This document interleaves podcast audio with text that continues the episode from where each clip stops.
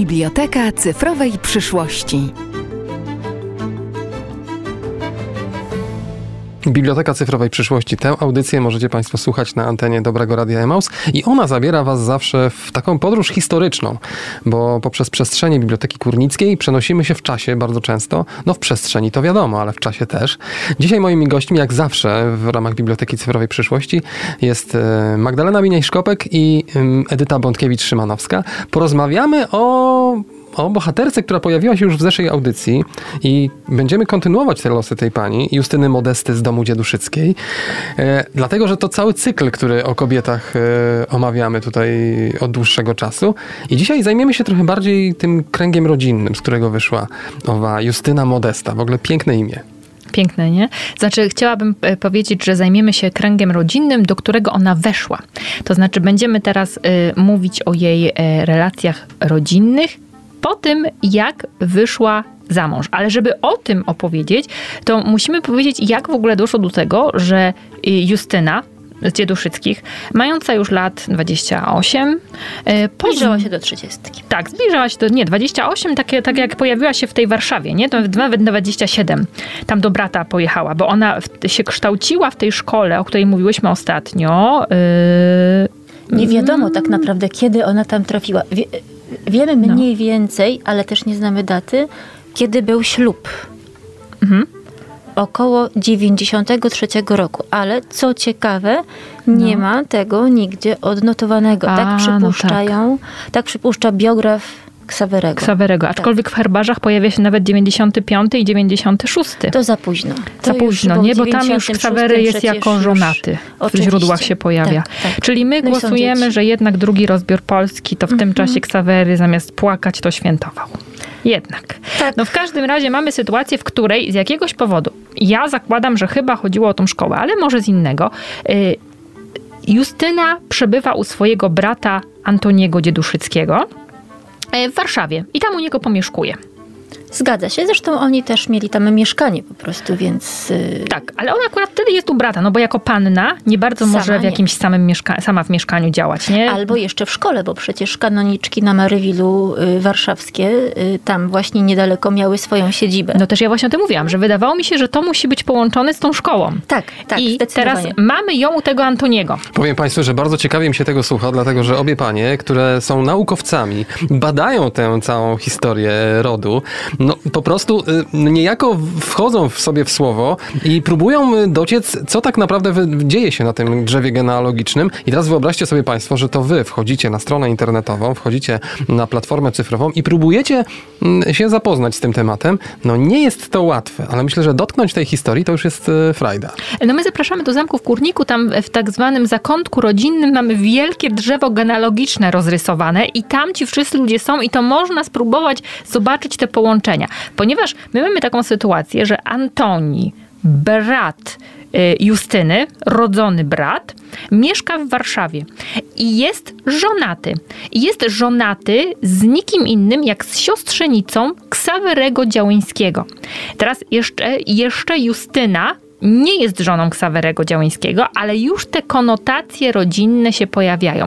Dodatkowo dochodzi relacja e, bardzo taka e, bliska, powiedzielibyśmy dzisiaj zawodowa, ponieważ Ksawery e, i Antoni są zaangażowani w działania Sejmu Wielkiego. Tak, obaj są posłami, spotykają się regularnie.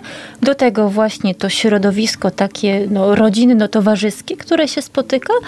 No i w tym zwyczajnie po prostu Justyna musiała, w takich okolicznościach Justyna musiała poznać Ksawerego Działyńskiego. Poznać bliżej, powiedzmy sobie szczerze, bo to, że oni się najprawdopodobniej widzieli wcześniej, e, być może, mm, nie wiem, na ślubie Antoniego, tak? Być może wcześniej, no, nie, nie, nie, nie był jej temat rodziny Działyńskich obcy. Nie? No bo jej szwagierka jakby tutaj jest z tą rodziną związana. Tak. W związku z czym, a że Antoni prowadzi dom otwarty w tej Warszawie, wiadomo, że tutaj każdy mógł przyjść, każdy mógł odwiedzić, no to mamy sytuację, w której pojawia się tam również Ksawery, szczególnie, że panowie byli z jednego mm, obozu politycznego. Zgadza się. Ewidentnie. Tego takiego e, wiemy, tego, tego, tego, tych, którzy podpisywali konstytucję, nie? Więc te wszystkie emocje towarzyszące, y, no to wszystko jest takim tłem, w którym y, no, Ksawery, 30 już paroletni mężczyzna, w tym czasie mężczyzna to był taki do, dobry wiek na zamęście, nie? Znaczy na, na ożenienie się. To taki I był... on jest dobrą partią. On jest, on jest akurat dobrą, rzeczywiście tak, tak nie? I na to, na to pojawia się... Um, pojawia się ta prawie 30-letnia Justyna. To jest sprawa nieco tajemnicza. Ja, ja powiem taka tajemnicza z tego względu, że no właściwie nie do końca wiemy, co Ksawerego skłoniło do tego, żeby wybrać Justynę. No jak co, no miłość chyba. No fajnie, ale nie mamy ani właściwie listów, które by to potwierdzało, ani żadnych romantycznych wspomnień. E, nic takiego, co mogłoby nam to potwierdzić. No, z wyjątkiem wieku Justyny, bo i, i, jej sytuacji majątkowej w tamtym czasie, tak? Bo to, że prawdopodobnie Ksawery miał świetną relację z jej bratem, to, że jakby rzeczywiście ym, to była rodzina, która nawet jeśli majątkowo nie było najlepiej, to jednak y, on miał okazję zobaczyć tą dziewczynę od strony jej wykształcenia, pewnych postaw politycznych, które na pewno reprezentowała, niezwykłej samodzielności, którą, którą też ta dziewczyna reprezentowała to się ujawni szczególnie później po ślubie. Tak. Będziemy jeszcze o tym mówić, ale jakby mm, myślę, że ona musiała wokół siebie roztaczać coś, co trochę przytłaczało innych mężczyzn, bo ona, tak jak wskazują jej działania później jako już dorosłej kobiety, ona była niezwykle samodzielna, no i była inteligentna. Bardzo inteligentna. Y, I zresztą y, ja przepisałam sobie nawet taki opis z jednego z mm, takich pamiętnikarzy współczesnych, który Państwu teraz przeczytam. Z Gajewskiego? Z Gajewskiego, dokładnie z Franciszka A, tak. Gajewskiego. Pani wojewodzina z domu Dzieduszycka, czyli właśnie nasza Justynka, nosiła się bardzo wysoko. Nie lubiły jej dlatego panie poznańskie. Wszakże umiała robić honory salonu swojego, wesoła, dowcipna, nawet nieco złośliwa, przekładała towarzystwo męskie od kobiecego. Czyli bardzo silna osobowość. I ja myślę, że, bo to, że ona była ładna, to my wiemy z tych wyobrażeń. No nie była jakimś odpychającym stworzeniem, żebyśmy mogli... Ona mogła nie chcieć wcześniej wyjść za mąż. No właśnie, mogła nie chcieć, mogła po prostu też nie znaleźć właściwego kandydata. Ja też myślę, że żaden kandydat nie był specjalnie zainteresowany tak. niewiastą, nie dosyć, że niezbyt posażną, to jeszcze tak silną dominującą, osobowością. Dominującą. Tak. I tutaj Wiesz, nagle pojawia się Ksawery, który sam w sobie jest też bardzo ciekawą osobą, yy, zdecydowaną. Od wczesnego dzieciństwa musiał, musiał przecież jakby walczyć o swoje, nie? No, jest młodszym bratem. Jest najmłodszym bratem, tak. de facto takim oseskiem najmłodszym. Ma starsze głównie siostry, jednego brata, no i jeszcze ojczyma. Który Ale też wiesz, mu nie ułatwiał sytuacji. Nie? On był tym rozsądniejszym, bo to Ignac był taki o. E, wiodący, taki lekko hulaszczy, delikatnie mówiąc, tryb życia. No ale na Golasa obaj ten... karetą jeździli, nie? Z Pepim Poniatowskim, oczywiście, no. zgadza Czy się. takie historie też ale mogą można zobaczyć na platformie cyfrowej? zobaczyć nie, na szczęście nikt tego nie uwiecznił, ale, ale poczytać jest, można. Tak, jest. tak, tak, jak najbardziej. Proszę tak, Państwa, najbardziej. to już w zasadzie to te, na tę platformę powinniście Państwo po 22 zaglądać, a, a, a nieletni w ogóle nie wskazano, żeby tam zaglądali. No to tylko opisy, tylko opisy. No w każdym razie już Zaistniały wiemy. Zaistniały właściwe okoliczności. Tak jest y, no może niezbyt młoda, ale świetnie wykształcona, pochodząca z dobrego domu dziewczyna, niezbyt posażna, ale mamy obok. Ale z opcjami. Z opcjami, tak. Kawalera y, również już w wieku, no, w dobrym momencie do zamążpójścia. Tak. tak.